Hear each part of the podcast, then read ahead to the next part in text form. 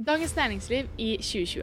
I Norge så er én av ti i yrkesalder uføretrygdet, og det er en kraftig økning blant yngre. Ifølge rapporter fra Nav så har unge uføretrygdede i alderen 18 til 29 år mer enn doblet seg siden 2010. Og dette er bekymringsfullt, og for barna og deres familier så er det en fortvilende situasjon. Elisabeth Anvik har forsket på nettopp hvordan vi skal unngå dette. I 2021 så tok hun andreplass i Forsker Grand Prix, og forskningen hennes har generert et hav av nyhetsartikler og foredrag. Elisabeth kommer fra både helse og næringsliv, og hun har pulsen på problemstillingene som vi opplever hver eneste dag. Altså, jeg husker veldig godt at uh, vi var på et, et hotell der uh, det var satt av to dager til egentlig snakke om uh, ja, hvordan samarbeidet gikk hittil. Så når dette endelig ble lagt på bordet, det endte faktisk med at en del av disse dro fra middagen og nektet å være med neste dag. Så det, det, var ganske heftig og intenst en periode. Hvordan tverrfaglige team samarbeider for å løse komplekse problemer. Mer spesifikt helseteam. Og Jeg følte meg nesten som en nyutdannet lege. Jeg har jobbet i 25 år, og nå står jeg her og føler meg helt usikker. Jeg manglet den støtten fra dere. Fokuset var på team som arbeidet med å løse helseproblemer til barn som over år hadde blitt kasteballer i helsesystemet, som systemet var på vei til å gi opp på. Hun ville gi disse en sjanse, og for en sjanse det ble. Vi får høre en historie om frustrerte leger, frustrerte forskere, lysglimt og ikke minst revolusjonerende samhandling på tvers av profesjoner. Og det har vi sett navn. Tverrfaglig samhandling. Jeg vil benytte anledningen til å takke alle dere som er med i vårt Smidigpodden fellesskap. Vi er uendelig takknemlige for dere. Sammen med partnerne våre så gjør dere Smidigpodden mulig. Vi vil så klart også takke to av våre hovedpartnere, Capra Consulting, IT-konsulenter med ekspertise i software som elsker å løse komplekse problemer, og Sparebank1 Utvikling, som gir over én million personer, bedrifter og lokalsamfunn over hele landet trygghet, forutsigbarhet og nærhet til økonomien deres gjennom digitale løsninger som begeistrer. Til slutt vil vi også takke vår partner Gnist, som er et av Norges ledende miljø innen teknologiledelse, og din partner til å få Smidig til å fungere i praksis. Hei og velkommen til Smidigpodden, Elisabeth. Tusen takk skal du ha. Det er veldig kjekt å være her. Ja, Veldig hyggelig at du har lyst til å være med på podkasten vår. Vi har et superspennende tema på agendaen i dag uh, som jeg brenner skikkelig for. Men kan ikke du først si noen ord om deg selv? Ja, det kan jeg vel. Så jeg er assosieprofessor, eller det som vi på norsk kaller førsteamanuensis, i organisasjonspsykologi og ledelse ved Handelshøyskolen BI. Ja, og jeg er også siviløkonom fra Norges handelshøyskole og har tatt doktorgrad i tverrfaglig samarbeid. Ja, ellers har jeg også bakgrunn fra helsevesenet og jobber egentlig aktivt med forskning på tverrfaglig samarbeid og på stressmestring. Og underviser i en rekke ulike fag på BI. Dette handler om eh, personlighetspsykologi, det handler om endringsledelse, lederutvikling og teamutvikling osv. Men jeg brenner for dette her som vi kaller for samarbeidskompetanse. Og særlig hvordan skal vi mestre og overvinne disse barrierene både på profesjonsnivå, på organisasjoner, og også på systemnivå. Det er jo det vi skal snakke om i dag. Ja. Du har jo skrevet en, eh, doktorgrad av handling, er det ikke det man kaller det? Ja, det stemmer. Om tverrfaglig samarbeid. Samhandling. Mm -hmm. Men hvorfor skal altså Du har jo starta litt med å si det, men hvorfor skal man forske på det her? Hvorfor er det så viktig? I utgangspunktet så er det noe som har fått veldig økt popularitet de siste årene. Mm. Dette er noe som begynte på 60-tallet, som et sånn fenomen i Canada og i Australia. Som at nå står vi overfor store, komplekse problemstillinger som gjør at innenfor hvert fagfelt så klarer ikke vi å løse dette isolert sett. Vi trenger å utvikle ny kunnskap, vi trenger innovasjon.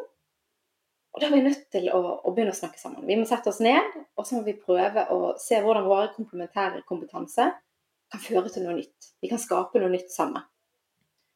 Og dette gjøres jo i, i ulike sektorer. Sant? Selv om dette er primært noe som startet og er et hovedfokus i helsesektoren, så ser vi det veldig mye i byggebransjen. Vi ser det blant lærere, i akademia, i andre forskningsmiljøer, tekniske miljøer. Eh, og begynner å bli mer og mer vanlige i måte, vanlig næringsvirksomhet. Og det er jo rett og slett denne økende kompleksiteten. For dette er skikkelig spennende at du sier, for du sier sånn Ja, OK, uh, dette ser vi i helsesektoren, lærere, byggebransjen. Og det hadde ikke jeg sett for meg. Nei? Fordi jeg, jeg, Hvis noen spør meg tverrfaglig sånn Ja, det ser du i Jeg ville tatt utgangspunkt der jeg jobber. Det jeg jobber med, og det er privat næringsliv primært. da. Eh, Jeg jobber ikke så mye med leger og, eh, og sånn. Nei? Så det er et veldig interessant perspektiv. Ja, det begynner å bli mer og mer vanlig. Og vi ser jo det at det det opparbeides nettverk, sånn innovasjonsnettverk. Mm. Det er, det er sånn noder av ulike fag og disipliner som prøver å sette seg sammen, rett og slett for å utvikle kunnskap i fellesskap. Og det ser vi er viktig, skal vi klare å være konkurransedyktige i, i fremtiden. Så det er kanskje det som er primære behovet til eh, generelle næringslivet, når de begynner å se på skal vi jobbe mer tverrfaglig. Mm. Men helsesektoren har jo en del andre utfordringer. Sant? Der står vi overfor eh, utfordringer knyttet f.eks. eldrebølgen. Vi har kompleksitet i kroniske sykdommer. Og så skyldes det egentlig sånn at i dag så står vi i en internasjonal krise der vi mangler eh, helsepersonell. Vi har jo en fastlegekrise i Norge der 238 000 nordmenn står uten en fastlege. Og det er et resultat, eh, resultat av at vi har organisert våre eh, aktiviteter innenfor spesialiserte fagfelt, som stort sett jobber isolert sett. Altså De sitter på hver sine siloer. Da gjøres det mye dobbeltarbeid. Det er vanskelig å få koordinert tjenester, det er vanskelig å kommunisere effektivt. Og det går også utover både pasientkvaliteten, sikkerheten, og også ført til egentlig en del skade på liv og, og helse. For det gjør jo at det tar, det tar veldig lang tid, ikke sant. Så du må jo liksom igjennom kanskje som For du har ikke hatt eh, pasienten nødvendigvis i fokus, så det blir jo liksom sendt rundt som en eh, Hva sier man? Eh, jo- Jojo? Ja. Ja. Ja. ja. En jo. ja, eller kasteball i systemet.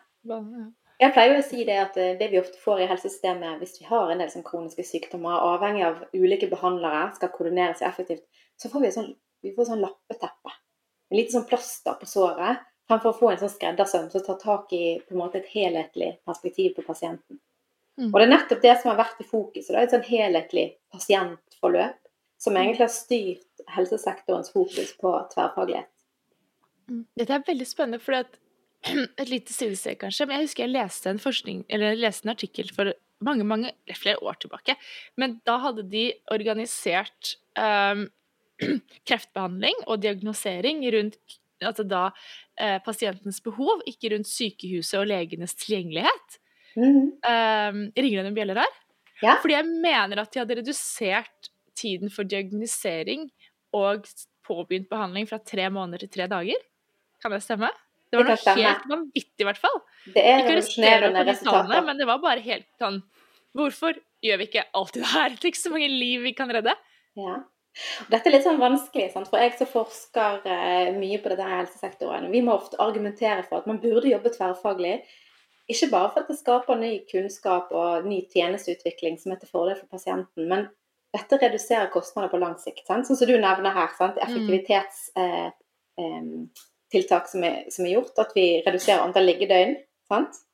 Det er Mm. kanskje en ny revolusjonerende behandling som er blitt tilgjengeliggjort. Og så reduserer det kanskje andelen av de som ender opp som uføretrygdede. For det er jo store kostnader på lang sikt.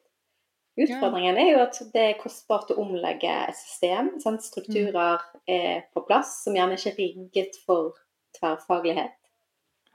Men så krever dagens situasjon at vi faktisk endrer oss. Og det ser vi jo f.eks. med etter covid særlig. Vi har fått teknologiske revolusjoner. Sant? Vi har hatt artificial intelligence, det er robotisering. Sant? Vi har fått elektronisk. Det er gjort mye som gjør at måten vi kommuniserer med hverandre i dag, den er annerledes enn tidligere. Vi kan koordinere våre tjenester på nye måter, men det krever også en annerledes samarbeidskompetanse.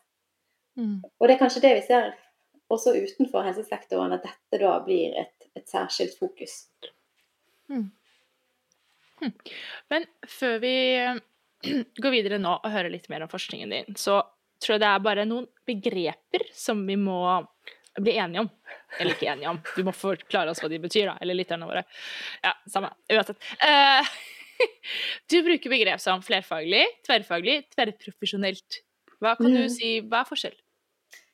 Så det er veldig interessant å spørre om det, fordi at uh, dette er noe jeg slet med veldig tidlig i mitt doktorgradsarbeid. Fordi at jeg fant 40 ulike definisjoner på det å Mm. jobbe tverrfaglig. Sant? Om vi snakker om samhandling, samarbeid, så det er på en måte en form. Er det en passiv eller aktiv form?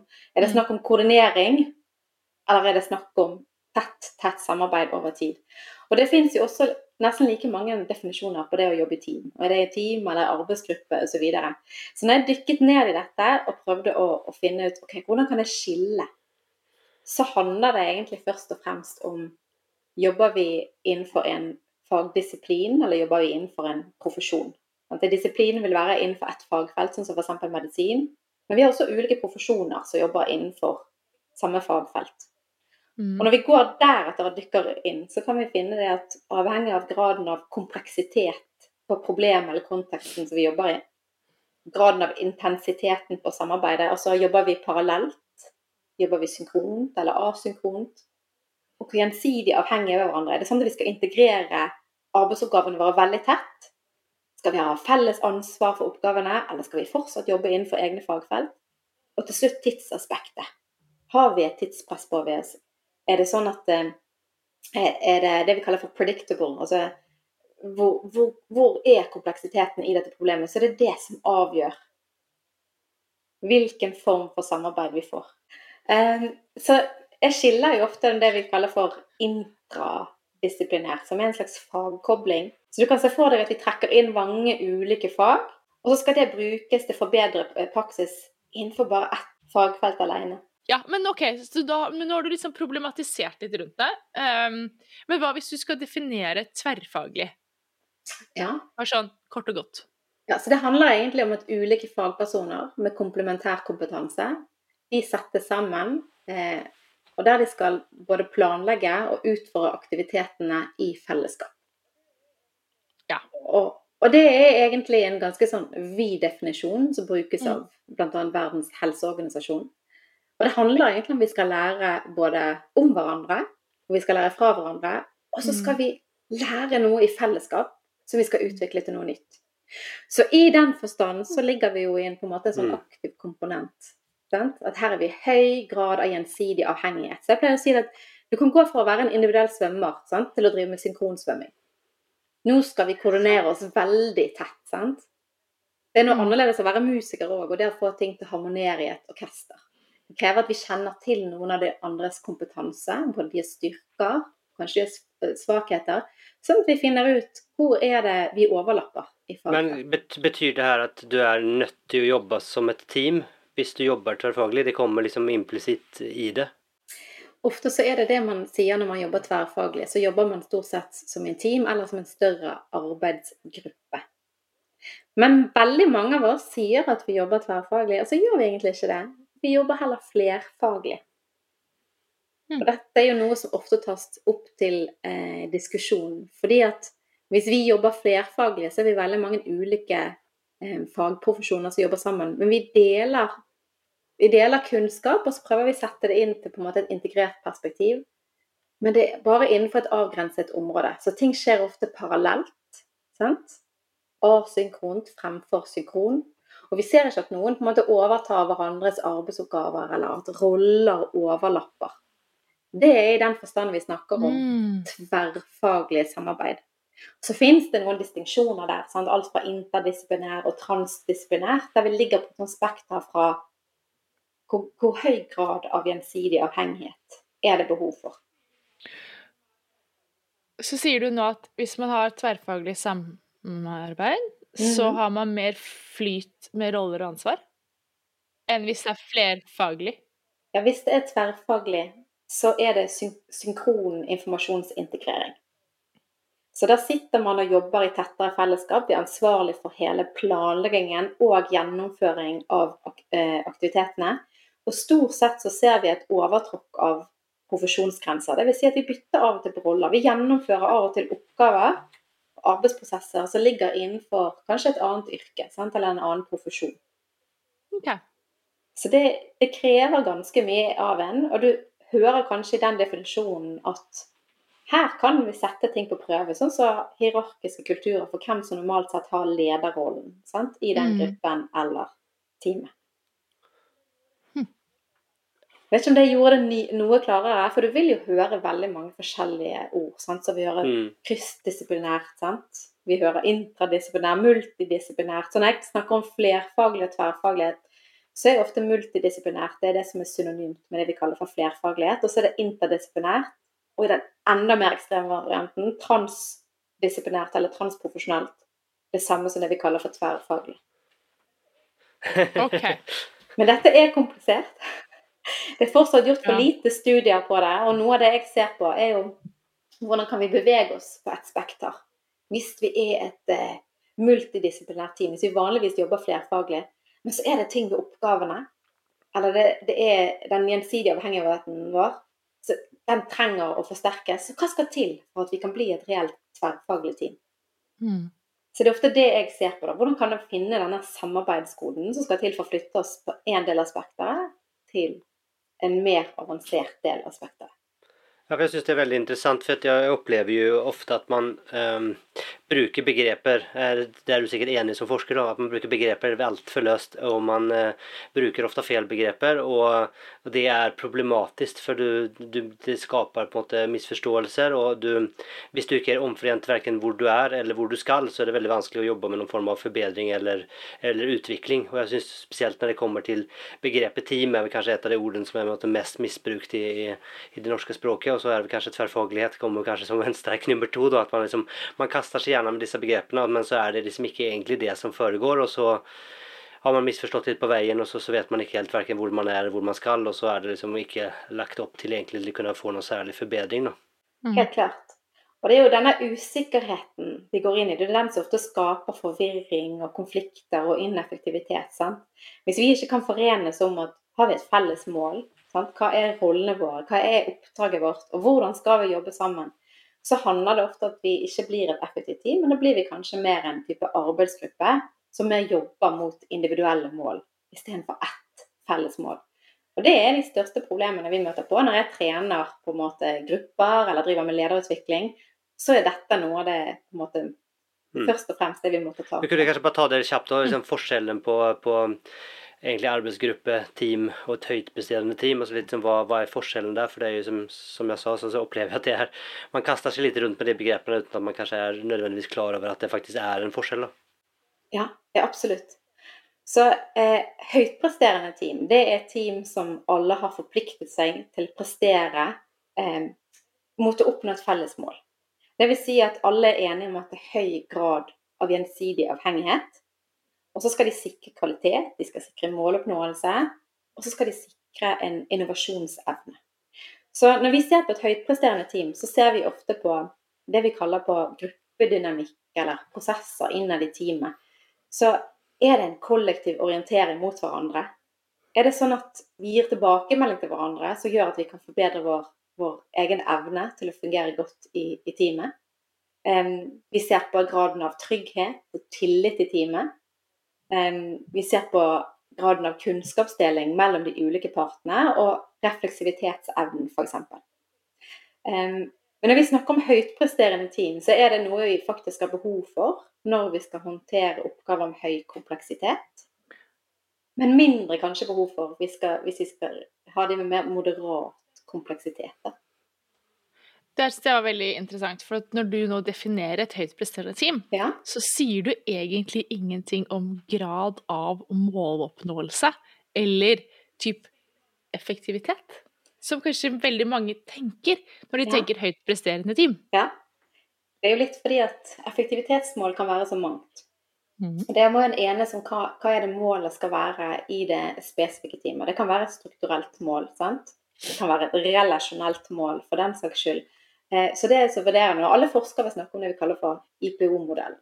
Input. sant? Hva putter du inn av kompetanse i teamet? sant? Prosesser, så har vi denne gruppedynamikken. Evnen til å samarbeide og dele informasjon effektivt. Og så output, som det de faktisk produserer. Og det kan være Vi kan måle det i, i hvor tilfreds er teamet. Det kan være et kvalitetsindikator. sant? Vi ser i de teamene som jeg ofte følger, så handler det mye om har vi funnet en diagnose, f.eks. I, i sånne diagnosetimer? Fått et avklaring til barnet? Har vi redusert antall liggedøgn? Har vi redusert antall nye henvisninger som skjer til nye behandlere osv.? Og, og ser vi at nå har vi redusert antall f.eks. tidlig uføretrygdede. Det kan være veldig konkrete mål. Problemet er jo ofte at det er ikke alltid eh, Det kan være litt sånn uklart når vi går inn i et teamarbeid hva som faktisk målet er. Hvis ikke vi ser det for oss, så kan vi sitte med litt sånn motstridende mål. Og det kan egentlig forringe resultatene og gjøre at vi ikke blir et høytpresterende team. Mm. Spennende. Det er kanskje en hva si, fin overgang egentlig til, til forskningen din. Um, og Vi har liksom tatt seg litt innom på det, du har gitt oss noen, noen drypp, men kunne liksom kanskje ta oss litt sånn uh, hvordan, Litt sånn kanskje litt sånn rammebetingelser, og liksom hvordan har det her liksom helt før, før, før selve forskningen starta, liksom, og hva, liksom, hva, hva skal man si, hva er driveren kanskje også, er vel, altså, du har vært litt inne på det òg, for så vidt, men liksom gi oss litt bilde av, eh, av forskningen din egentlig på et litt sånt høyt nivå først, før vi dykker ned i selve forskningen. Ja. Altså utgangspunktet så, så er jeg interessert i at det meste skal til for å fremme teameffektivitet, som vi, vi, snakker om. Men når jeg jobbet med dette eh, doktorgradsprosjektet mitt, så fikk jeg en anledning til å se på barn som hadde sammensatte helseplager. Fordi at jeg har jobbet i helsesektoren eh, tidligere i mange år. Jeg har både jobbet som konsulent med å prøve å effektivisere prosesser for å forbedre samhandling. Sant? Men jeg har også vært helsepersonell og sett hvor ofte kommunikasjonen på en måte går tapt. Vi snakker forbi hverandre fremfor å snakke sammen med hverandre, og så går det utover pasientene. Og nå sto vi overfor en gruppe eh, der det var barn som hadde både fysiske og psykiske utfordringer, som i en årrekke ikke hadde fått en diagnose. Men de var så syke at de lå hjemme i sengen sin, sånn at de falt veldig tidlig utenfor både sosialt og faglig sett. Foreldrene var gjerne hjemme med barna, så de måtte sykemelde seg. Og så opplevde de gang gang fortelle en vanskelig og sårbar sykehus, eh, sykehistorie til ulike behandlere. Men hver gang de kom til behandler, så pleide behandleren f.eks. en gastrolog. Han så på magen sant? og tarmfunksjonene. Det var de symptomene de var opptatt av. Hvis ikke de fant noe ille, så henviste de til f.eks. en nevrolog eller noen andre. Og sånn gikk det. Hver fagdisiplin de så på sine eh, isolerte fagfelt, sant? uten å ta inn over seg perspektivene fra de andre fagfeltene. Og det gjorde det som vi snakket om i starten, at disse barna de ble en slags kasteball i systemet. Og så så vi en økning i antall uføretrygdede. Den hadde fordoblet seg i de siste ti årene. Og denne pasientgruppen som vi så på nå, den, den sto i risiko for at helsevesenet nesten ga de opp.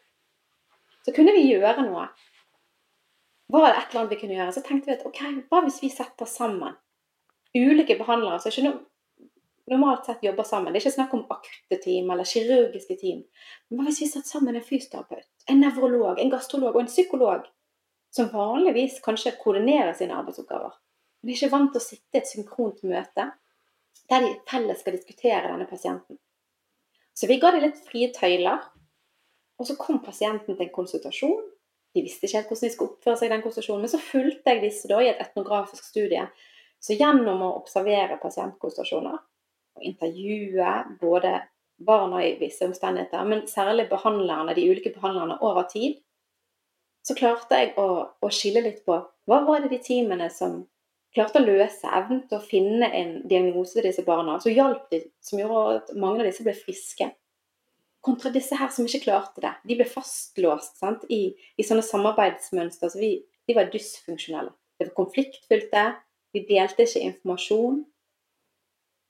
Og det er rett og slett pasienten ble skadelidende. Så prøvde jeg å se på dette her kvalitativt, så samlet vi også noen kvantitative mål ved siden av. Så det jeg forsøkte å gjøre der, er på en måte finne det, finnes det en samarbeidskode. Hva er det som skal til for å få disse her til å samarbeide? Og hva er barrierene på veien? Og det er jo det eksisterende forskning eh, Vi har jo vist at det å jobbe i team generelt sett er vanskelig. Vi har hatt en romantisk forestilling av det å jobbe i team. Sant? Det skaper synergier. Det er positivt. Men de fleste av oss skal kjenne på en sånn samarbeidsoverbelastning. Sant? Der du nesten tømmes for energi. Fordi at intensiteten i alle opplevelser når vi jobber sammen med andre, den forsterkes alltid. Mm. Samarbeidsfatigue. Ja, samarbeidsfatigue. sant? Collaboration mm. overload, som vi ofte eh, snakker om da i, innen forskning. Og da ønsket jeg å se på hva, hva er det som skal til da for å være de teamene som nesten bare koordinerer. De som på en måte bare stiller sine spørsmål til pasienten, og så tar de en felles oppsummering. Hva skal vi gjøre? Vil si at de tilfredsstiller egentlig mer definisjoner av et, et multiprofesjonelt eller et flerfaglig samarbeid framfor de som blir ekte tverrfaglige. Der roller overskrides, sant? disse profesjonsgrensene viskes litt ut. Og der vi får ekte samhandling som faktisk skaper innovasjon. Fikk, fikk, fikk de altså, Det her er jo altså Teamdynamikk eller gruppedynamikk er jo ikke lett, og, og teamledelse er jo også ja. altså, det er mange, Fikk de hjelp i det her, eller fikk de, altså, ble de kasta på den problemstillingen, og så satt du på sida og så hvordan de håndterte det, eller hvordan så, så det ut? Altså, jeg, jeg, vil si at eh, Prosjektet hadde jo begrensede ressurser. Så det de fikk, er at eh, de hadde en, eh, en coach som var inne og hadde noen oppstartssamtaler sammen med disse teamene. Men bortsett fra det så måtte de egentlig finne ut av denne metodikken og lære mm. litt underveis i prosessen. Og de beskrev dette egentlig som at eh, det er som at vi har beveget oss i blinde uten å karte og veilede oss. Og For å sette mm. det litt på spissen, da, eh, siden jeg er vant til å jobbe i helsevesenet, så er de ofte veldig avhengige av kliniske retningslinjer. Så de har ofte en, en spesiell måte i sin praksis å bygge opp spørsmål på. Og hvis vi har noen som starter en somatisk samtale, f.eks. En, en lege, da, de vil ofte drive og utelukke en rekke diagnoser i spørsmålene de stiller. Og de begynner ofte å gå løs på det fysiske. Sant? Mens vi har en psykolog, så begynner de med å bygge opp en samtale på en veldig sånn relasjonell måte. De er helt avhengig av det for å hente ut sin informasjon. Og setter vi de i samme rom, så sier det seg selv at dette kan skape litt gnisninger. sant? Det, det, det, kan være litt sånn hårsår å vite hvem som skal begynne å snakke. Er det sånn at er det legen som vanligvis eh, sitter på toppen av hierarkiet? Er det de som skal stille sine spørsmål, og så blir de andre tillagt etterpå? Eller skal vi ha en annerledes inngang? Og her vil jeg si at veien ble litt sånn til underveis. Og det var det jeg ønsket å beskrive. Hva er disse mekanismene som skapte så vendingspunkt i denne teamdynamikken, som gjorde at de klarte å opparbeide tillit? En kollektiv orientering. Og da de faktisk klarte å utnytte de ulike innfallsvinklene til å få et helhetlig perspektiv. Hm. Så jeg gjorde jo ikke dette her på Dette var jo noe jeg fulgte over tre år. Sant? Så det var jo det var krevende å dykke ned i dette her, men absolutt nødvendig for å forstå den reisen som, hm. som disse teamene rett og slett var gjennom. da. Utrolig spennende. Ja, og hvordan, eh, altså hvordan ja, Tre år, ja. Um, kan du si liksom litt hvordan den oppfølgingen var? Så, for det, det, det er flere, flere, grupper her da, som du har egentlig fulgt over, over tre år. da. Og så, og så hvordan utvikla seg det her? da, for du, mm. ja, Hvordan begynte man så, um, Skal jeg si spørsmålet på en annen måte? Kunne, kunne du tydelig danne noen hypoteser om hvordan de ulike gruppene skulle måtte håndtere det her? da? Altså, kunne du se det fra starten, eller var det på en måte ja, Hvordan så den liksom, utviklingen ut der? Så det er Noe av det som er spennende med å være en kvalitativ forsker, er at på en måte du forfølger litt prosessen underveis. Du er ute etter å se mekanismer og hvordan ting endrer seg, istedenfor å få et, et tverrsnitt i en tid der vi tester en, en hypotese. Så jeg gikk inn ganske åpent. Så spørsmålet mitt, altså forskningsspørsmålet handlet egentlig på en måte hvordan utvikler disse teamene en, en god praksis for tverrfaglighet? Hva som skal til for å få god samhandling? Og innad seks måneder inn i studiet så skrev jeg en artikkel som uh, het 'When bridges collapse'. Altså når, når broene bare faller sammen. Og dette gjaldt ikke bare for ett team, dette gjaldt for samtlige team. Fordi at etter seks måneder så så vi det at alle disse barrierene, sant? både systematiske og strukturelle barrierer som finnes i de fleste organisasjoner, de kom så tydelig til overflaten at det risikerte å, å at hele samarbeidet der skulle falle sammen. Og det var sånn som f.eks. det at vi sitter med Vi er trent fra utdanningen av til å tenke ulikt. Vi har et ulikt verdenssyn. Og vi er ikke alltid oppmerksom på at det er ikke alltid de verdenssynene er forenlige. Vi har også en tendens til å på en måte gå litt sånn på autopilottenkning. Sant? At vi blir litt sånn fanget i vårt eget perspektiv, og gjerne ikke da blir like lydhår for å lytte på andres kompetanse. Og så er det sterke hierarkier sant? I, i systemet som ofte skaper siloer mellom oss. Og her, her eksisterer det ulike fagspråk, Sant? Hvis, dele, hvis, jeg skulle delt informasjon med dere, så eksisterer det ulike kunnskapsbarrierer. Sant? Så måten jeg deler min informasjon, hvis jeg gjør det med et fagspråk, så kan det fagspråket være ukjent for deg. Sant? Det er nesten som Mm. et eget stammespråk. Og så kan det skape, Hvis det er lite trygghet i teamet, så kan det jo skape litt sånn Jeg tør ikke egentlig spørre hva det egentlig betydde, eller jeg tør ikke spørre om hjelp. Så får vi en del barrierer allerede der. Det andre problemet som kommer, er jo at vi fortolker oss som det som sies, innenfor rammene av hva vi har lært oss i vår eh, profesjonsstudie, om du vil. Og det gjør at Når vi tillegger det mening, så er det ikke sikkert som det samme meningsdannelsen som det, den intensjonen var, den som sendte, eller den som kommuniserte det budskapet. Det kan skape til konflikter og, og forvirring. Og siste er jo dette maktperspektivet, som er en ekstra barriere. Og det er det at det krever av og til når vi skal jobbe tverrfaglig, at vi skal avlære en kunnskap som vi allerede har. Og den har de fleste av oss gjerne brukt tid og ressurser, flere år, for å ta en profesjonsutdanning. Så må vi kanskje gi slipp på den, eller justere den. Og det innebærer også kanskje at vi må gi slipp på ressurser som har gitt oss en statusrolle. Og det kan være litt vanskelig. Så tenker vi i utgangspunktet sånn når vi er sosialisert inn i en profesjon, at nesten litt sånn like barn liker best. Sant?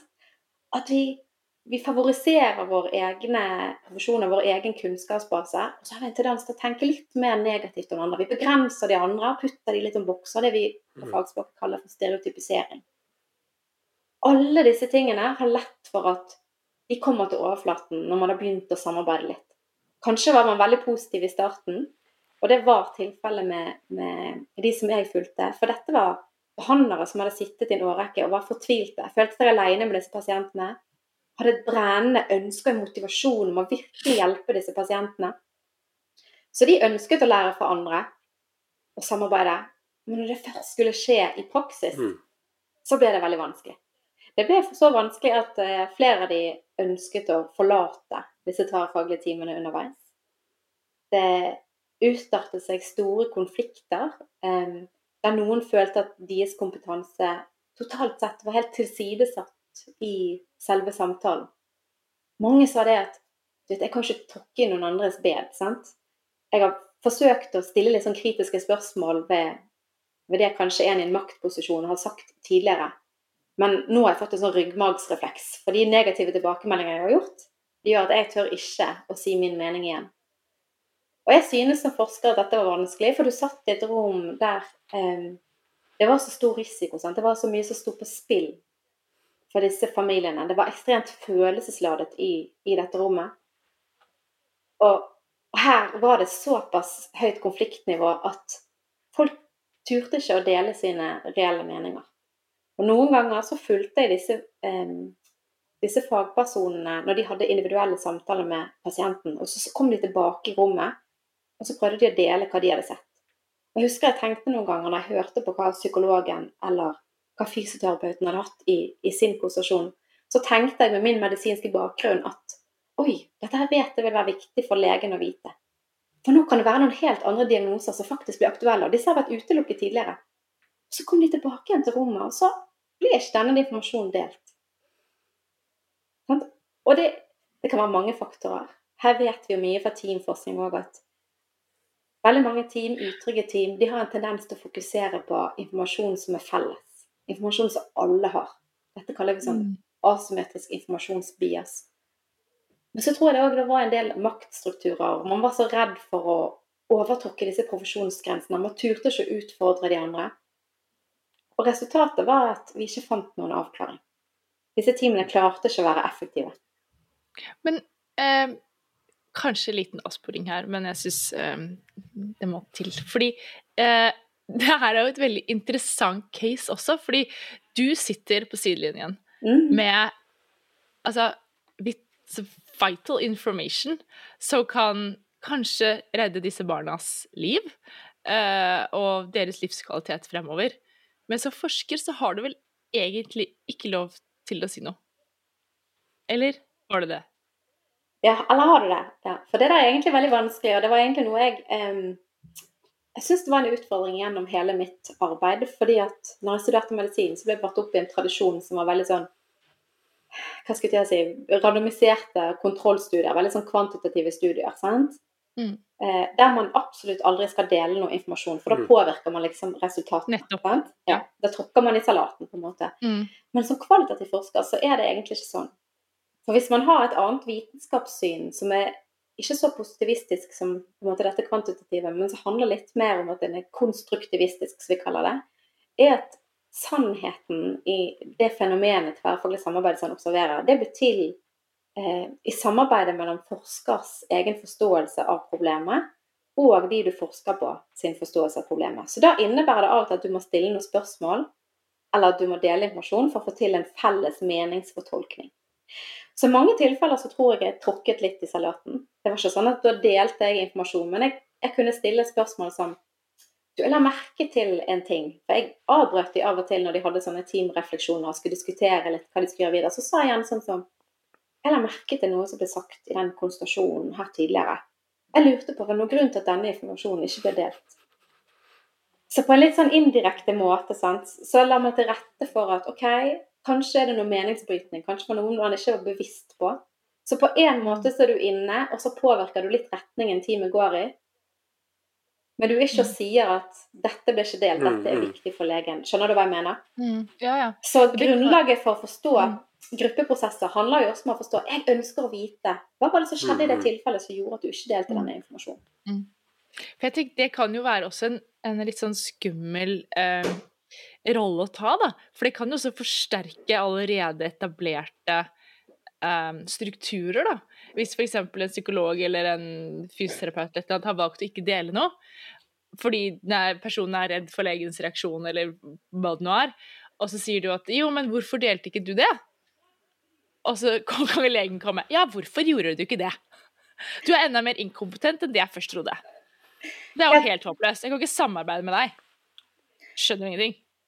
Helt Er klart. ikke det litt skummelt? Ja. Men disse reaksjonene kan jo komme frem. Men på en måte så ønsker jo du å, som forsker å se ok, hva er egentlig den observerbare atferden. Hva skjer i et sånt tilfelle? Sant? Dette er jo kanskje litt mer likt et naturlig eksperiment, sant? i den forstand at ting forløper seg i, i, i reell tid. Sant? Mm. Så de reaksjonene ønsker du å, å se på, for du vil ha vite noe om hva tenker disse som sitter her, disse behandlerne, om selve teamarbeidet. Mm. Hva føler de? Da ønsker du å se uttrykk for følelsene. Så når du sitter der som forsker, så tar du på en måte notater i forhold til hva sier disse? Hva er atferden deres? Men også skal du få tak i disse emosjonene. sant?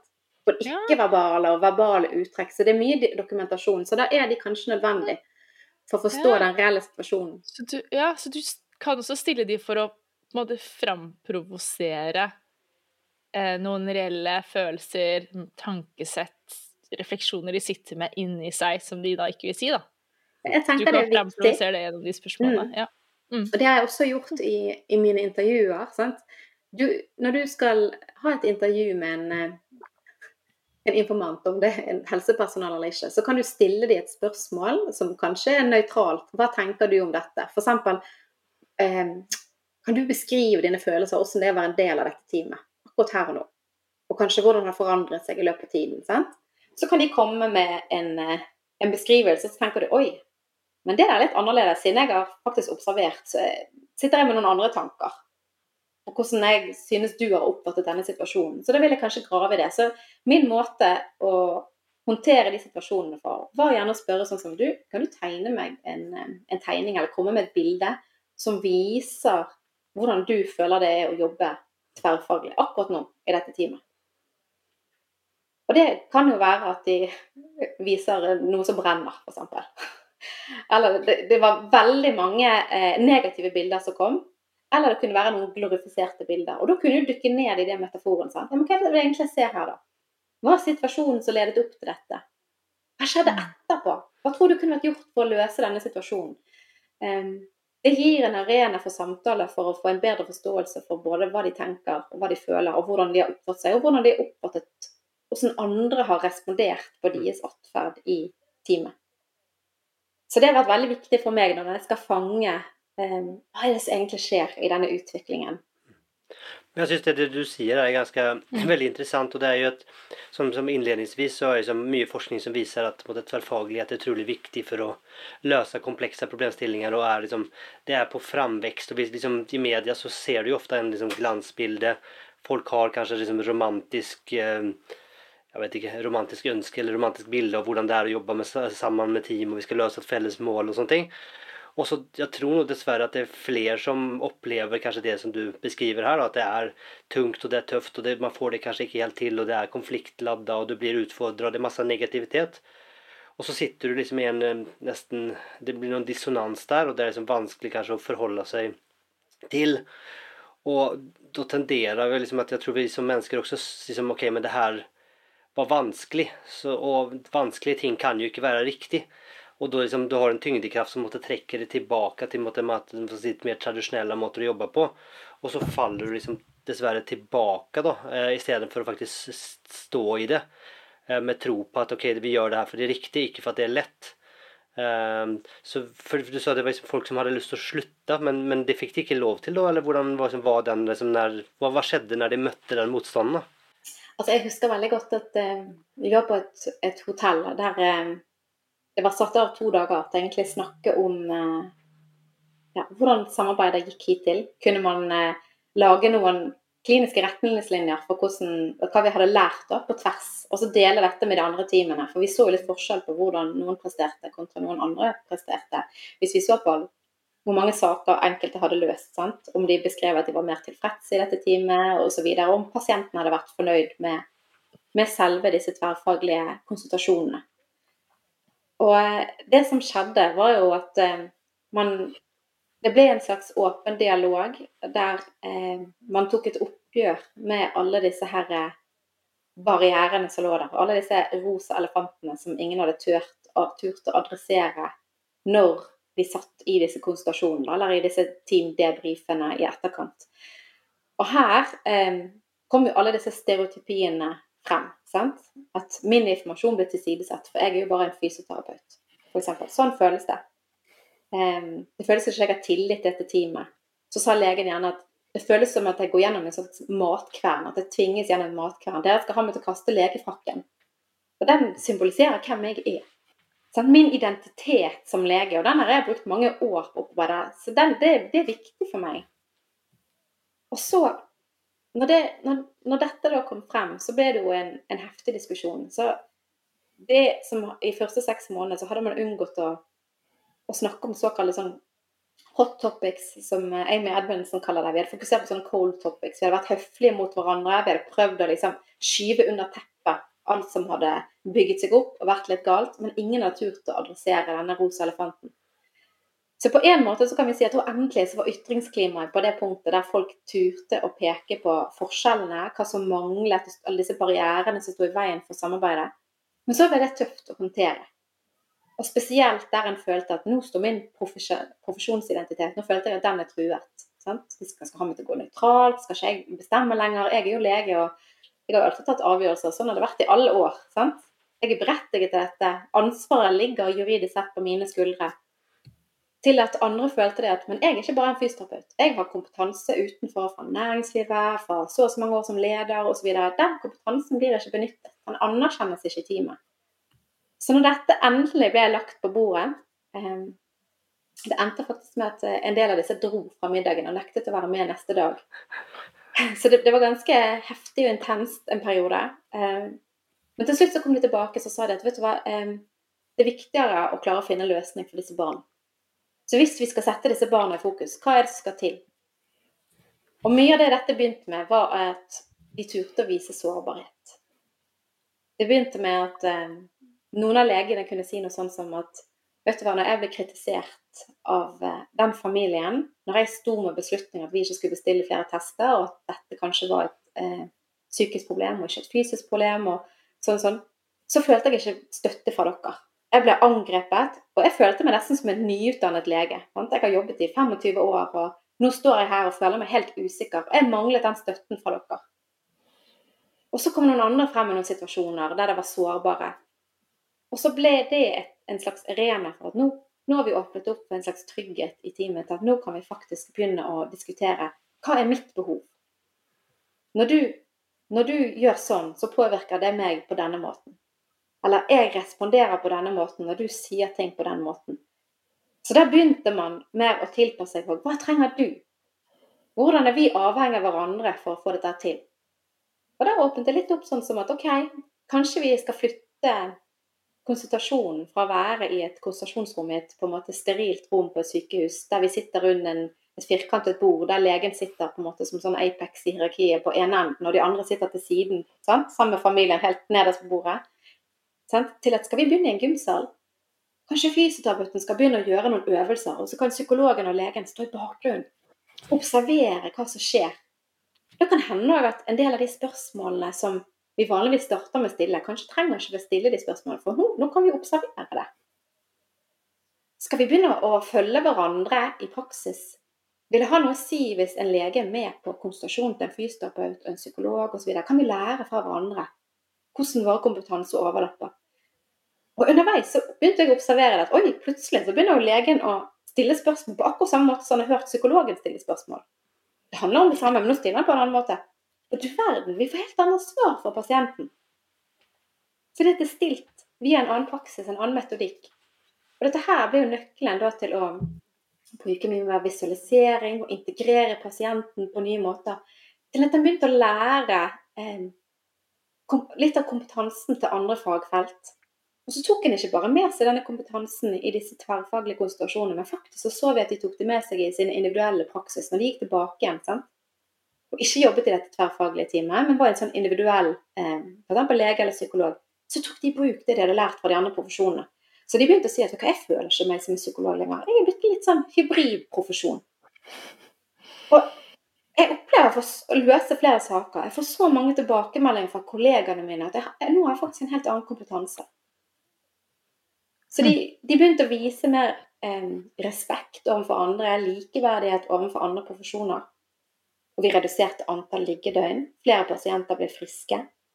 Så dette hadde jo en, en stor verdi for både barna, men også for hvert enkelt profesjon, profesjon altså karrieremessig.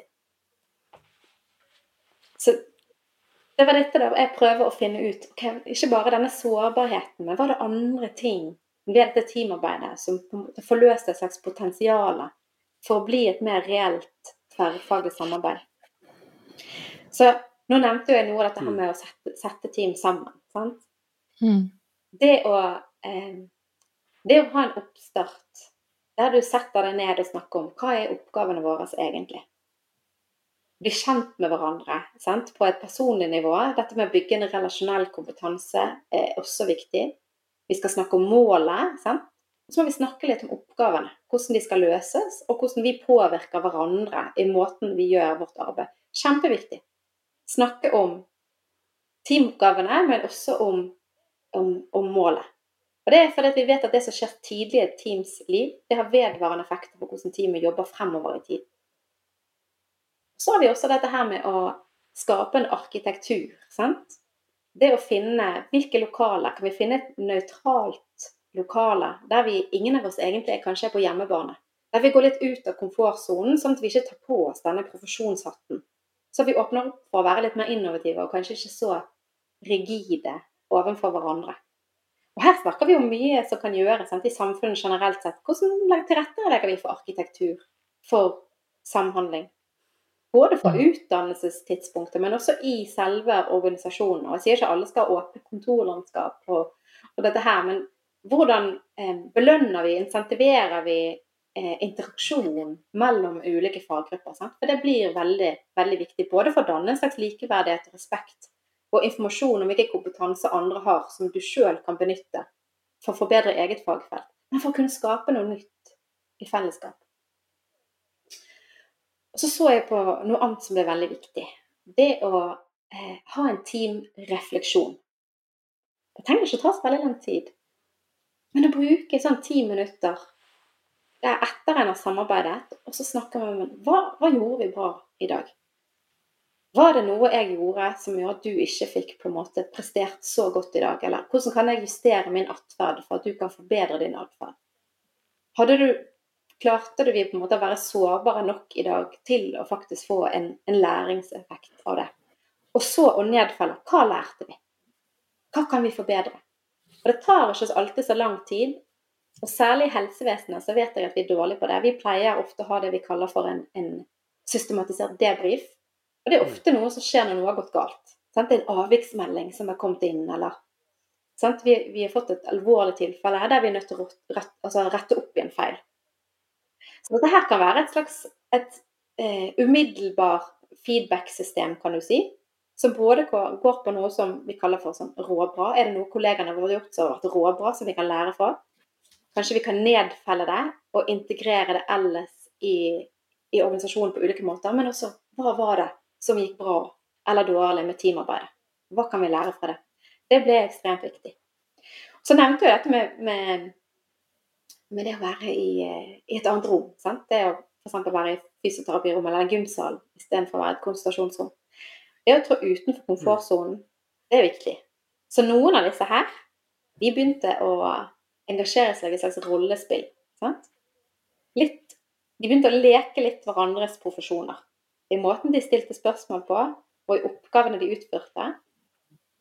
Og det avvæpnet litt den rigiditeten som lå til grunn da, for hver enkelt profesjon. Og så fant de da ny arbeidsmetodikk, altså ny praksis sprang ut av de, de få rollespillene de hadde. Det oppløste også konflikter sant? Og hierarkiene som, som tidlig hadde vært så, så, sterke i disse teamene. Hm. Veldig spennende. Det er kjempefascinerende. Ja. Det er sånn, sånn vakkert. Ja, det var jo det var, det var vakkert um, i ja. enden av reisen, kan du si. Ja. Eh. Men det var ikke så vakkert midt i, tror jeg. Nei, som forsker så var det særlig etter de første seks månedene så var det ukomfortabelt i mange tilfeller å, å sitte i de rommene. For du føler nesten enkelte ganger et behov for å avreagere selv. Og jeg tror mm. en av de viktigste tingene man gjør som kvalitativ forsker, er å være relasjonell. Altså Man kan gå inn i fagfeltet på mange måter. Sant? Du kan gå inn som en ekspert, eller du kan gå inn som en mer sånn novise og si det at jeg er her, her for å lære. Jeg kommer til å stille masse spørsmål. Jeg kommer kanskje til å tråkke salaten.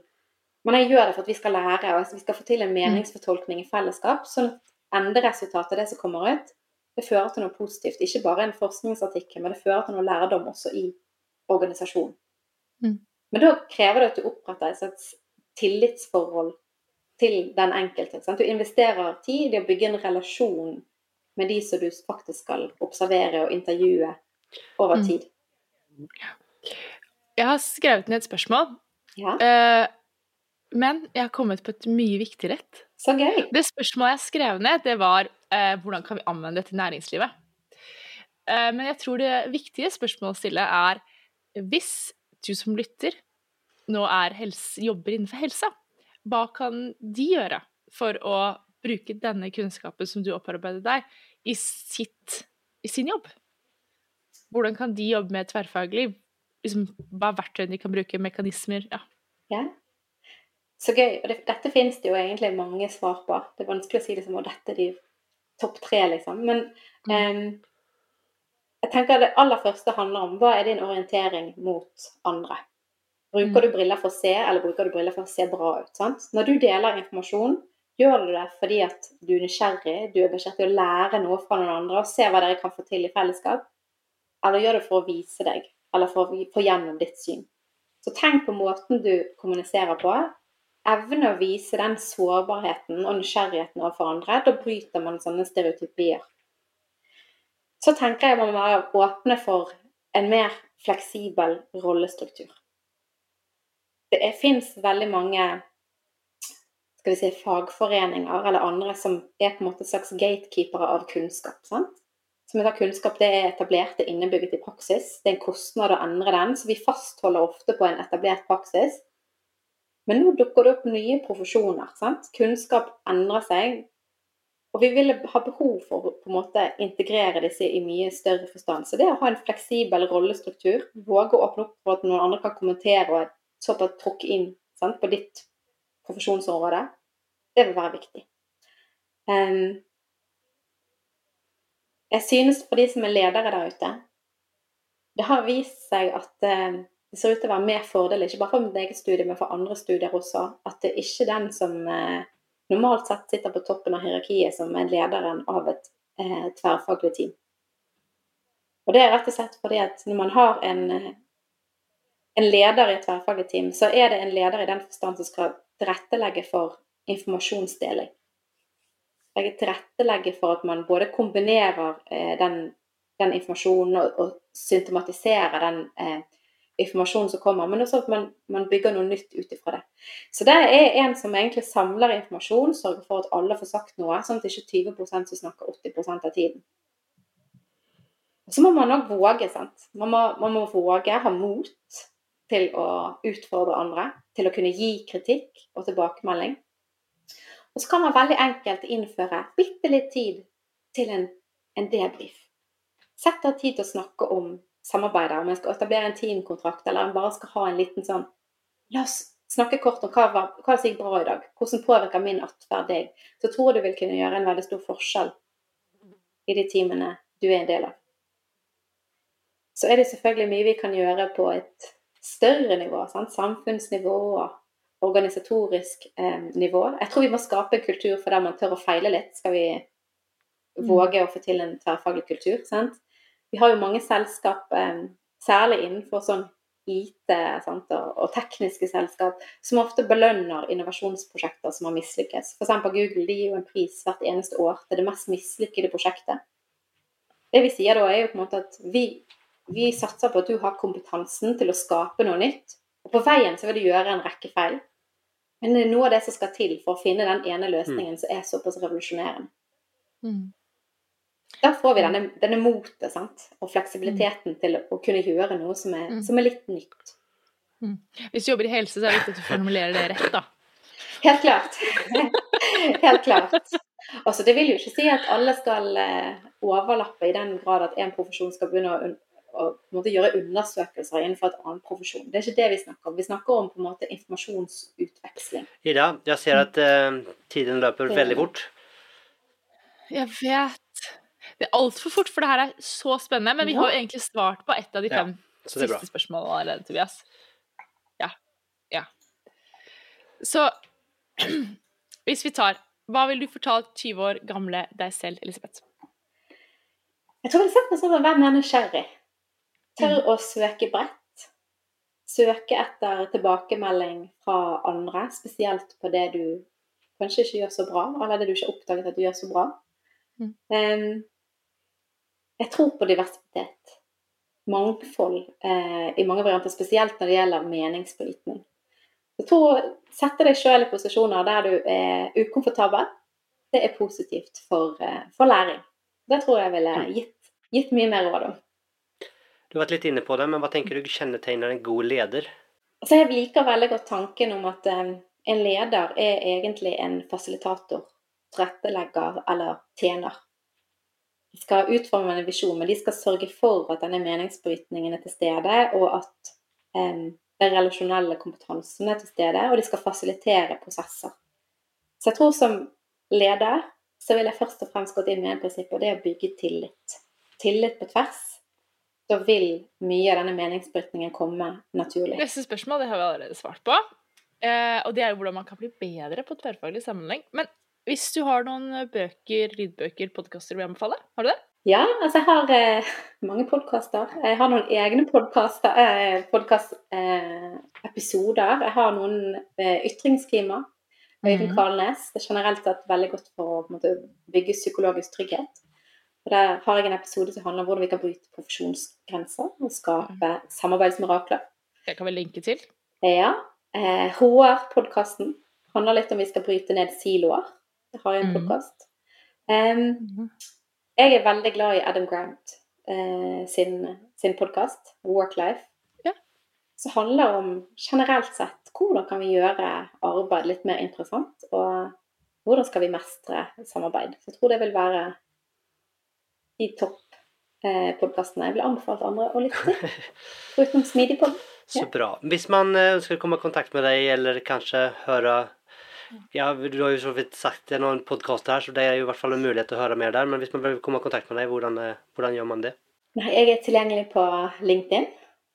Ellers så er BI et godt sted å treffe meg. Enten du vil kontakte meg på mail, eller sende meg en, eh, Topp, topp. Det skal vi legge til linker til. Uh, før jeg gir slipp på deg, så har jeg et, et siste spørsmål. Du må svare litt raskt, da. Men det, jeg liksom, uh, lurer litt på det teamet som uh, Der det var så dårlig stemning så til og med folk forlater middagen der. Klarte de, de, klarte å hente seg inn, og de, de klarte liksom å finne si, samarbeidet igjen? Det gjorde de. Faktisk så har alle blitt høytpresterende team i løpet av de tre årene som har gått. Og det er revolusjonerende. Det gjør også at dette prosjektet et prosjekt nå som rulles ut i større omfang, fast sant, på sykehuset, men også på andre sykehus. Det som var revolusjonerende, var at de klarte å kombinere teamrefleksjoner i kombinasjon med denne, flytte denne konsultasjonsrommet til en nøytral setting. Mm. Det var det som skulle til for å bryte disse profesjonsgrensene og øke denne sårbarheten som gjorde at man fikk til denne meningsbrytningen. Da. Så med det tenker jeg at eh, hvis det er noen som mm. sitter i et team som ikke er helt velfungerende, så finnes det håp, og det er mange, si, mye læring man kan ta med seg fra dagens episode. Kom deg ut og reflekter, ja. er vel essensen. Men eh, kjapt, superfort, kan man lese forskningen din et eller annet sted? Det kan du gjøre. Noen av de er på vei i publikasjon allerede. Finner du på Academy of Management Review, så finner du noen. Eller så kan du søke opp hele doktorgraden min, for den ligger ute på NHH sine systemer. Perfekt. Og med det mhm. så må vi si tusen takk. Tusen hjertelig takk for at vi var her. Ha det.